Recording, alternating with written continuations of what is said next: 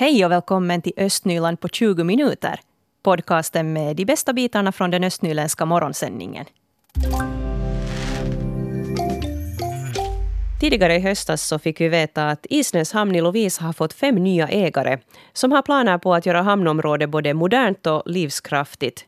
Men förrän de nya ägarna kan sätta igång med sin förnyelse på allvar så ska området städas upp av de gamla ägarna. Och enligt en av de nya ägarna som heter Esa Keinänen så ska området vara städat före årsskiftet. Vi skickar vår reporter Fredrika Lindholm till Isnäs hamn för att se hur städningen framskrider och för att höra vad Isnäsborna tycker om att området piffas upp. Jag står här i solen vid Isnäs hamn och runt omkring mig så ser jag olika fritidsbåtar som helt tydligt lyfts upp från vattnet inför vintern. Men förutom dem så ser jag också flera riktigt gamla, söndriga och rostiga båtar. Och de här båtarna har nog inte varit i vattnet på en lång, lång tid. Det är de här båtarna bland annat som ska städas bort av de gamla ägarna innan årsskiftet. Men trots att det verkar finnas en hel del kvar att göra så är ortsborna ändå glada över både att det städas upp vid hamnen och över hamnens nya ägare. Det är det bästa som har hänt. Att det är fina planer som de har vad jag läst i Lovisan Sanomat. Så vi har garage dit och båtar så jag hoppas att allt går så som de har planerat. Nu har de ju börjat städa upp där, de gamla ägarna. Vad, vad känner du för det? No, det borde de ha gjort för 15 år sedan. Men hur är det att de gör det nu ändå? No, det är det bästa. För att det, som sagt, det borde ta bort för länge sedan. Mm. Att det är bara problemavfall. Vad är dina förväntningar nu då för, för det nya stället? No, jag hoppas att allt går så som de har planerat. Dit kommer bar så som de pratar om och gästhamn och mera båtplatser för det behövs. Så sa alltså Thomas Eklund som har sommarstuga i Isnäs och själv har tre båtar i hamnen. Jag träffar Risto Volanen på det lokala café och han är nöjd över att nya ägare ska ta över Isnäs hamn. Och det är ju klart det är ju första steget mot, mot upplevande av hela hamnområdet vilket är ju ett rätt så pass stort och alla i intresse, alla Isnäsborna har ju ett starkt intresse förstås att, att att förbättra det här utbudet och servicen och snygga till områdena framför allt. Vad är dina förväntningar då på den blivande verksamheten där? Förstås är förväntningarna det att, att, att de gör en, en bra planering för området för att området är tillräckligt stort. Vi har ju väldigt lite få hamnar här i södra Finland för att det finns bara de här stora hamnarna och mindre hamnarna har försvunnit tack vare generationsskifte och ingen fortsättning mera på de hamnarna. Och sen miljökraven har ju blivit också, också förstås mycket, mycket strängare så det, där, så det har ju kanske höjt också på ribban med att, med, med att satsa och sätta igång med modernare hamnverksamhet. Isnäs ligger bra till om man tänker sjövägsmässigt, eh, vägmässigt. Området är tillräckligt stort om man tänker på vinterförvaring och service och sånt här, men, men det där det är ju allt fast i planeringen och, och, och, och, vad man har för framtida mål där och med vilken tidtabell framför allt. Jussi Värre bor också i Isnäs och han är positivt inställd till att man har börjat städa upp vid hamnen. Jag tänker att det är bara positiv sak. Det skulle vara eh, en vackra ställe men du har det gamla båtar där och det, det ser inte bra ut. vad är dina förväntningar gällande den nya hamnen? Jag tänker att det kan bara komma bättre om det här nya ägaren och kanske mera starka att göra det bättre och kanske som nya äh, möjligheter. Möjligheter? Ja, ja, ja, det är en stora ställe där och jag tänker att det kan bara gå bättre. Mm, sådana här åsikter alltså om Isnäs hamn och det var Fredrika Lindholm som var reporter.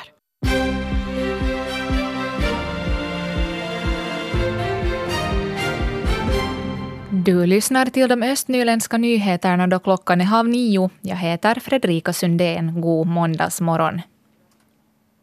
19 hushåll i Lovisa och 10 i Borgo har hittills ansökt om undantagstillstånd för sina avloppsvattensystem. Förra veckan gick tidsfristen ut för att förnya sina avloppsvattensystem enligt de nya kraven i lagen. Hushåll som inte har hunnit sätta sina avloppsvattensystem i skick kan ansöka om undantagstillstånd. Lagstiftningen om avloppsvatten förnyades redan i april 2017 och från den 1 november i år måste avloppsvatten på strand och grundvattenområden renas så att det inte belastar miljön. Kommunerna ska övervaka att fastighetsägarna uppfyller de nya kraven. Och idag flyttar barnen in i det nya daghemmet Lillhjärtat i Nickby i Sibbo. Möblerna är på plats, leksakerna väntar och lokalerna har vädrats. Daghemmet blev färdigt i september och dagisbarnen har stegvis fått bekanta sig med de nya lokalerna. Byggarbetena på det närmare 2000 kvadratmeter stora daghemmet inleddes i juni i fjol. Och daghemmet har kostat drygt 5 miljoner euro att bygga. Borgå museum anställer mer personal. Orsaken är att museet får regionalt ansvar för östra Nyland från den 1 januari 2020. Därför ska Borgå museum nu anställa en arkeolog och en rådgivare för byggnadskonservering. Samtidigt stiger personalantalet till 20. Det är undervisnings och kulturministeriet som har beviljat statsandelar för det här och totalt 17 museer får regionalt ansvar. De mindre reparationer som har gjorts för att förbättra inneluften i Keskuskoulu i Borgå är nu klara. Till exempel är lukten i gymnastiksalen och i trapporna ner till källaren borta. Lukten i källarens trappnedgång kunde lokaliseras till en gammal brandpost. Ovanför huvudingången tog man bort fuktskadad luktande halm och övrigt organiskt material som hade använts som värmeisolering. Nya värmeisoleringar ska senare installeras på utsidan. Arbetet med inneluften fortsätter och nu ska man undersöka den unkna luften i förskolans lokaler. Borgå Akilles bandyherrar de inledde officiellt sin säsong på veckoslutet i Uleåborg med fyra matcher i den finska kuppen i bandy. Och det gick jättebra för Akilles. På lördagen vann Akilles båda sina matcher mot LRK och HIFK. Och igår på söndag så vann Akilles också sina två matcher mot JPS och OLS. Och jag har nu ringt upp Jari Hyttinen som är huvudtränare för Akilles bandyherrar. God morgon Jari. God morgon. Hur känns det efter veckoslutet? Och först och främst är man kanske, kanske lite trött nu när det, det blir så många matcher och långa resor, men eh, vi är nöjda. Alla i laget är nöjda att vi kunde, kunde vinna alla matcher och få spela en, en cupfinal sen i början av januari. Vilka erfarenheter tar ni med er nu med tanke på ligamatcherna som snart kör igång? Eh, kanske mest främst att uh, vi kunde vinna också de matcher där vi hade lite svårare perioder i början av matchen. Mm. Och bandyligan för Akilles del börjar alltså om tre veckor då den 23 november och också då i Uleåborg mot OLS. Hur känns det så här inför säsongsstarten annars? Ja, hela hösten har gått jättebra och vi har ju kunnat vara i Sverige två gånger Eh, sammanlagt sex dagar, spelat sex matcher och tränat fem gånger i bandyhallar i Sverige. Så vi, har, vi, vi är redan ganska, eh, kommit ganska långt i hur vi vill spela och, och, och, så vidare. Så, så vi väntar att säsongen börjar och, och, och jag tror att, att vi har goda möjligheter i årets, årets serie. Hur ser du på det lag som ni har den här gången? Vi, har ett jättebra lag. Vi har både spelare som har varit med ganska länge som, som är erfarna och vi har sådana spelare som, som, eh, som kanske har sina bästa år framför sig och sen har vi också några unga spelare som, som, som jag hoppas kan utveckla sig väldigt mycket under säsongen. Så, så vi har ett bra lag. Mm. Jari Hyttinen, de här senaste säsongerna så har, har, man ju haft stora förväntningar förstås här inom Borgå Akilles, men så har det inte räckt ända fram. Hur ska ni undvika det här i år? Jag, jag tror att det viktigaste är att man inte pratar så mycket om resultat, utan man, man pratar om, om det som man, som man vill utveckla med laget och, och, och man koncentrerar sig på det, det som man ska göra på banan och att, att, att man verkligen är, är som bäst när det gäller i, i slutet av serien och, och att, att man inte, inte om, om det blir någon förlust någonstans, att man inte panikerar och, utan man, man, man tror på det som man gör. Mm. Hurdan är du själv som tränare? Eh, jag vet inte. Det, jag har varit med länge jag älskar bandy och jag har sett mycket bandy och jag har spelat mycket bandy. Och jag har lärt mig mycket under mina år i Helsingfors, både i, inom bandy men också ganska mycket inom, inom, inom fotboll. Men det där är en fråga som man kanske måste, eh, måste fråga av någon annan. Slutligen här Jari Hyttinen, vad tror du, vilka tre lag ser vi där i medaljtrion i år? Jag tror att Veitere är fortfarande en av de bästa. Sen, sen kanske Narukera från Björneborg som har fått en, en, en rysk spelare som heter Rinat Samsutov. Jag tror att de är, bättre, de är ganska bra i år och sen tror jag också att Akilles är där. Tack ska du ha Jari Hyttinen för pratstunden och, och lycka till med seriestarten. Vi hörde alltså här Jari Hyttinen som är huvudtränare för Akilles bandyherrar och den 23 november kör alltså bandyligan igång för Akilles del med bortamatch. I övrigt så har vi en intressant artikel här på svenska.yle.fi östnyland som handlar om jakten på rödmärkta matvaror. Och det här är någonting som lockar massor av Sibbobor varje kväll. Då av olika orsaker förstås. En del kanske tycker att det är, det är ett lätt sätt att spara pengar på medan andra kanske tänker då på matsvinne och att det inte ska uppstå ett så stort sådant. Uh, Fredrika Sundén, hur är det med dig själv? Brukar du jaga sådana här rödmärkta produkter? Alltså ibland brukar jag, om jag råkar få syn på att det skulle råka vara en sån här röd eh, lapp då på någon eh, produkt som jag annars också skulle köpa, eh, så då brukar jag kanske nappa med mig den, för att man kan ju frysa ner grejer också som man inte använder genast och, och sånt här. Men jag hör nog inte till de här som går till matbutiken efter klockan nio på kvällen och, och börjar jaga de här prislapparna enkom och, och köpa saker som jag kanske inte annars skulle handla. För jag brukar ofta handla på eftermiddagen när jag går hem från jobbet och, och så gissar man kanske inte gå till butiken sen mera på kvällen. Men att för många så är det här ju väldigt populärt nu att man går och kollar in. Det är ju alltså så att vissa butiker har börjat med det här att de, de då har sådana här produkter som skulle bli gamla eller bli kvar i hyllorna som de då sänker priset på minus 30 procent eller något sånt här den sista timmen innan stängning och, och så här. Men inte vet jag, hur är det med dig? Har du någon gång handlat, handla sådana varor? Mm, no, faktiskt brukar jag nog inte heller höra till de här som går och, och, och, jagar de här produkterna. Jag är väl snarare den här som försöker hitta sånt som håller så långt som möjligt. Jag gräver dit längst bak i hyllan efter de här som går, går så långt fram som möjligt datum. Men jag är lite dålig kanske på det här att frysa ner. Jag märker sen att oho, nu har jag glömt någonting i kylskåpet som jag kanske borde ha kastat i frysen. Mm. Och så här, att därför försöker jag istället hitta sådana ja. som har datum som går långt fram då. Ja, nej, jag brukar ofta satsa på det här att eh, jag till exempel, för jag har, är ju ensam så att säga, så jag har inte någon familj att mata eller, eller så här, så jag brukar ofta köpa ett lite större paket med malet kött eller något på en gång och så ja. fryser jag ner en del och använder en del och så här. Så blir det ofta lite billigare också, så att det, det kan man ju göra om man så vill. Men att sen då om man har har sådär att man använder mycket av, av det som man köper, så, så förstås så behöver man kanske inte frysa ner lika mycket. Mm. Och här i, i texten så har, har vi träffat lite olika människor i butiken. Vad berättar de om, om sina orsaker till att göra så här? No, bland annat Sibabon Reijo Salimäki finns med här i den här äh, artikeln. Och han brukar leta efter såna här rödmärkta produkter där i, i kötthyllorna till exempel, där i Nickby. Och han säger att ibland har man god tur att man hittar eh, äh, sådana äh, eh, fin äh, kvalitet, äh, olika köttbitar och sånt här, fast man bara kommer en halvtimme på förhand. Och han säger att det är olika från dag till dag. Och sen konstaterar han också här att många kan laga fin mat också till vardags tack vare den här kvällsrean, för att man kan till exempel få en lite bättre köttbit där för att den håller på att gå ut. Mm. Och Salimäki här berättar att han tidigare besökt butiken tre kvällar i veckan på jakt efter sådana här rödmärkta produkter och nu har han som vana att göra ett sådant vältajmat tillslag en gång i veckan. Och så säger han att en del av inköpen landar på tallriken samma kväll, men att sen att han också då förstås fyller frysen med, med reamat. Och så uppskattar han själv här att han har sparat hundratals euro på det här sättet och, och, tycker att det är bra för miljön också det här med att man minskar kanske lite på matsvinnet. För det här är sånt som kanske annars skulle slängas om ingen skulle köpa det. Ja, det är jättebra. Hur har då butikerna tänkt här när det gäller att minska svinnet? No, de har tänkt på lite olika sätt. Till exempel S-gruppen började för två år sedan med det här matsvinnstalko.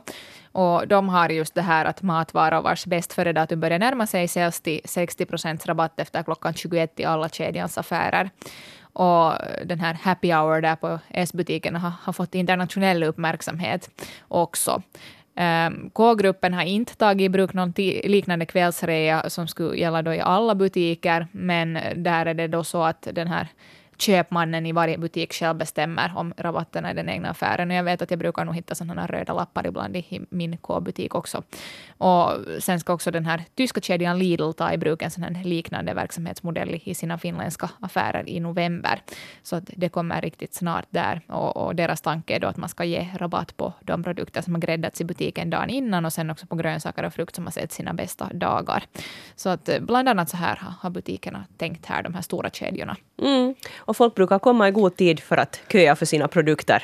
Precis, det, på vissa håll är det lite så här att folk kommer dit lite på förhand och sen går de och kollar att när de här lapparna dyker upp där som de, de dyker upp, till exempel den här Salimäki då som vi nämnde här tidigare, så, så han pratar här om att fast man bara kommer en halvtimme på förhand till butiken så kan man ändå hitta bra varor billigt där. Fredrika Sundén är nu med här i studion. God morgon. God morgon, god morgon. Borgo är nu med i ett nytt forskningsprojekt där man granskar hur vanliga människor rör sig och hur det här då sen kanske eventuellt påverkar framtida lösningar inom trafiken. Mm, det är alltså det här forskningsprojektet Motiv och det finansieras av Europeiska unionen. Och det här projektet använder sig av en sån här applikation som heter Vorti och uh, där samlar man då in information om människors sätt att röra sig. Och det är tio olika länder som är med i det här projektet, bland annat då Finland. Och sen då, om det kommer in resultat till exempel från Borgå, så kommer Borgå stad också att få dra nytta av de här analyserna och, och infon som man får därifrån det här projektet. Men bland annat så kommer man då att utreda hur resetiden påverkar reseupplevelsen och, och den här appen beaktar till exempel resenärens behov, förväntningar och levnadsvanor. Och sen står här att den här appen då registrerar resor och sätt att röra sig, räknar kalorier och koldioxidavtryck och låter jämföra resultaten med andra människor. Och sen finns det också berättelser som hjälper en att fundera på fördelar, syften och alternativ till rutinmässiga sätt att röra sig där i, i den här applikationen. Och så måste man vara 16 år för att kunna delta. Och sen står här då att Borgostad också får tillgång till de här resultaten och, och att de på det sättet kan använda det här för att öka invånarnas kännedom om sitt eget sätt att röra sig, om sin kaloriförbrukning och, och sen också det här klimatavtrycket som deras olika resesätt orsakar. Om jag nu förstår det här rätt så handlar det inte liksom bara om det att du åker till södern på en solsemester, utan det handlar också om dina alldagliga resor, till exempel till jobbet eller skolan eller vart du nu kan tänkas fara. Ja, och samtidigt så lär man ju sig också en hel del om sig själv om man är med i det här förstås. Att, Mm, att hur, hur man rör sig och hur, Ja. hur det påverkar ens vardag på olika sätt. Ja, jag har haft ett sådant aktivitetsarmband nu här en längre tid. Man får nog all möjlig intressant info därifrån, så, så det, där, det finns en del att botanisera sig i. Men att som sagt, det finns uh, mera information om det här på Borgostads webbplats. Kommunerna här i Östnyland börjar småningom marknadsföra vilka julen, eh, julevenemang de ska ha. Och så har också Borgo gjort nu. Man har gått ut med lite datum för aktuella händelser som sker i november och december. Det blir nu julöppning så småningom här närmast, Fredrika. Ja, det är faktiskt inte så länge tills dess. Det är alltså den 23 november redan som det blir den här traditionella julöppningen i Borgå centrum. Och det är ju då som julgubben anländer till Borgå med båt och det brukar vara en stor höjdpunkt det här för, för många familjer speciellt. Det är ju lite häftigt det här när han kommer med båt tycker jag. Jo, det, det är lite tufft nog. Eh, sen blir det ju alltså en skild julöppning också i Gamla stan, så att det brukar vara, vara var sitt veckoslut där, så jag kan tänka mig att den här Gamla stans julöppning är, är veckoslutet efter. Eh, så att det, det är ju stämningsfullt det också sen. Um, sen blir det ju förstås då en hel del program. Det blir sådär i traditionell anda en massa julmarknader. Uh, till exempel där den här gammaldags julmarknaden på Brandkårshuset. Den är i år från den 7 till den 8 december. Och sen blir det också den här konstfabrikens julmarknad. Den är sen 13 till 15 december. Och så brukar det ju vara lite sådana andra julmarknader också i stan. Och nu har man ju gjort så, eh, både i fjol och i år, att man har lite delat upp de här julmarknaderna på olika veckoslut.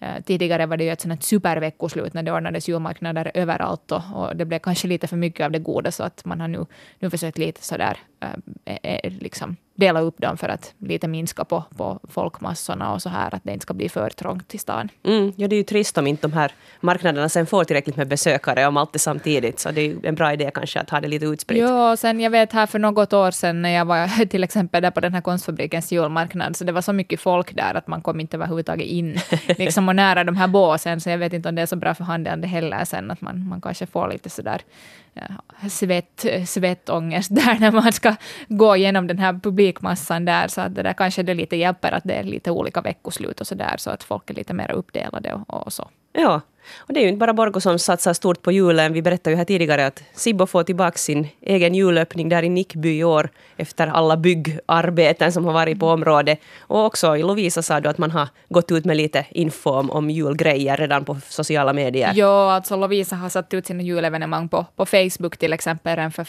flera månader sedan känns det som. För jag kommer ihåg att jag har eh, tryckt på intresserad på vissa grejer. Där blir ju de här gamla, gammaldags julhemmen och där är också en julöppning och lite Lucia-kröning och, och sånt här. Så det händer i Lovisa också. Östnyland på 20 minuter är en Svenska Yle-podcast. Det finns flera poddar på arenan. Jag heter Katarina Lind. Tack så mycket för sällskapet. Vi hörs.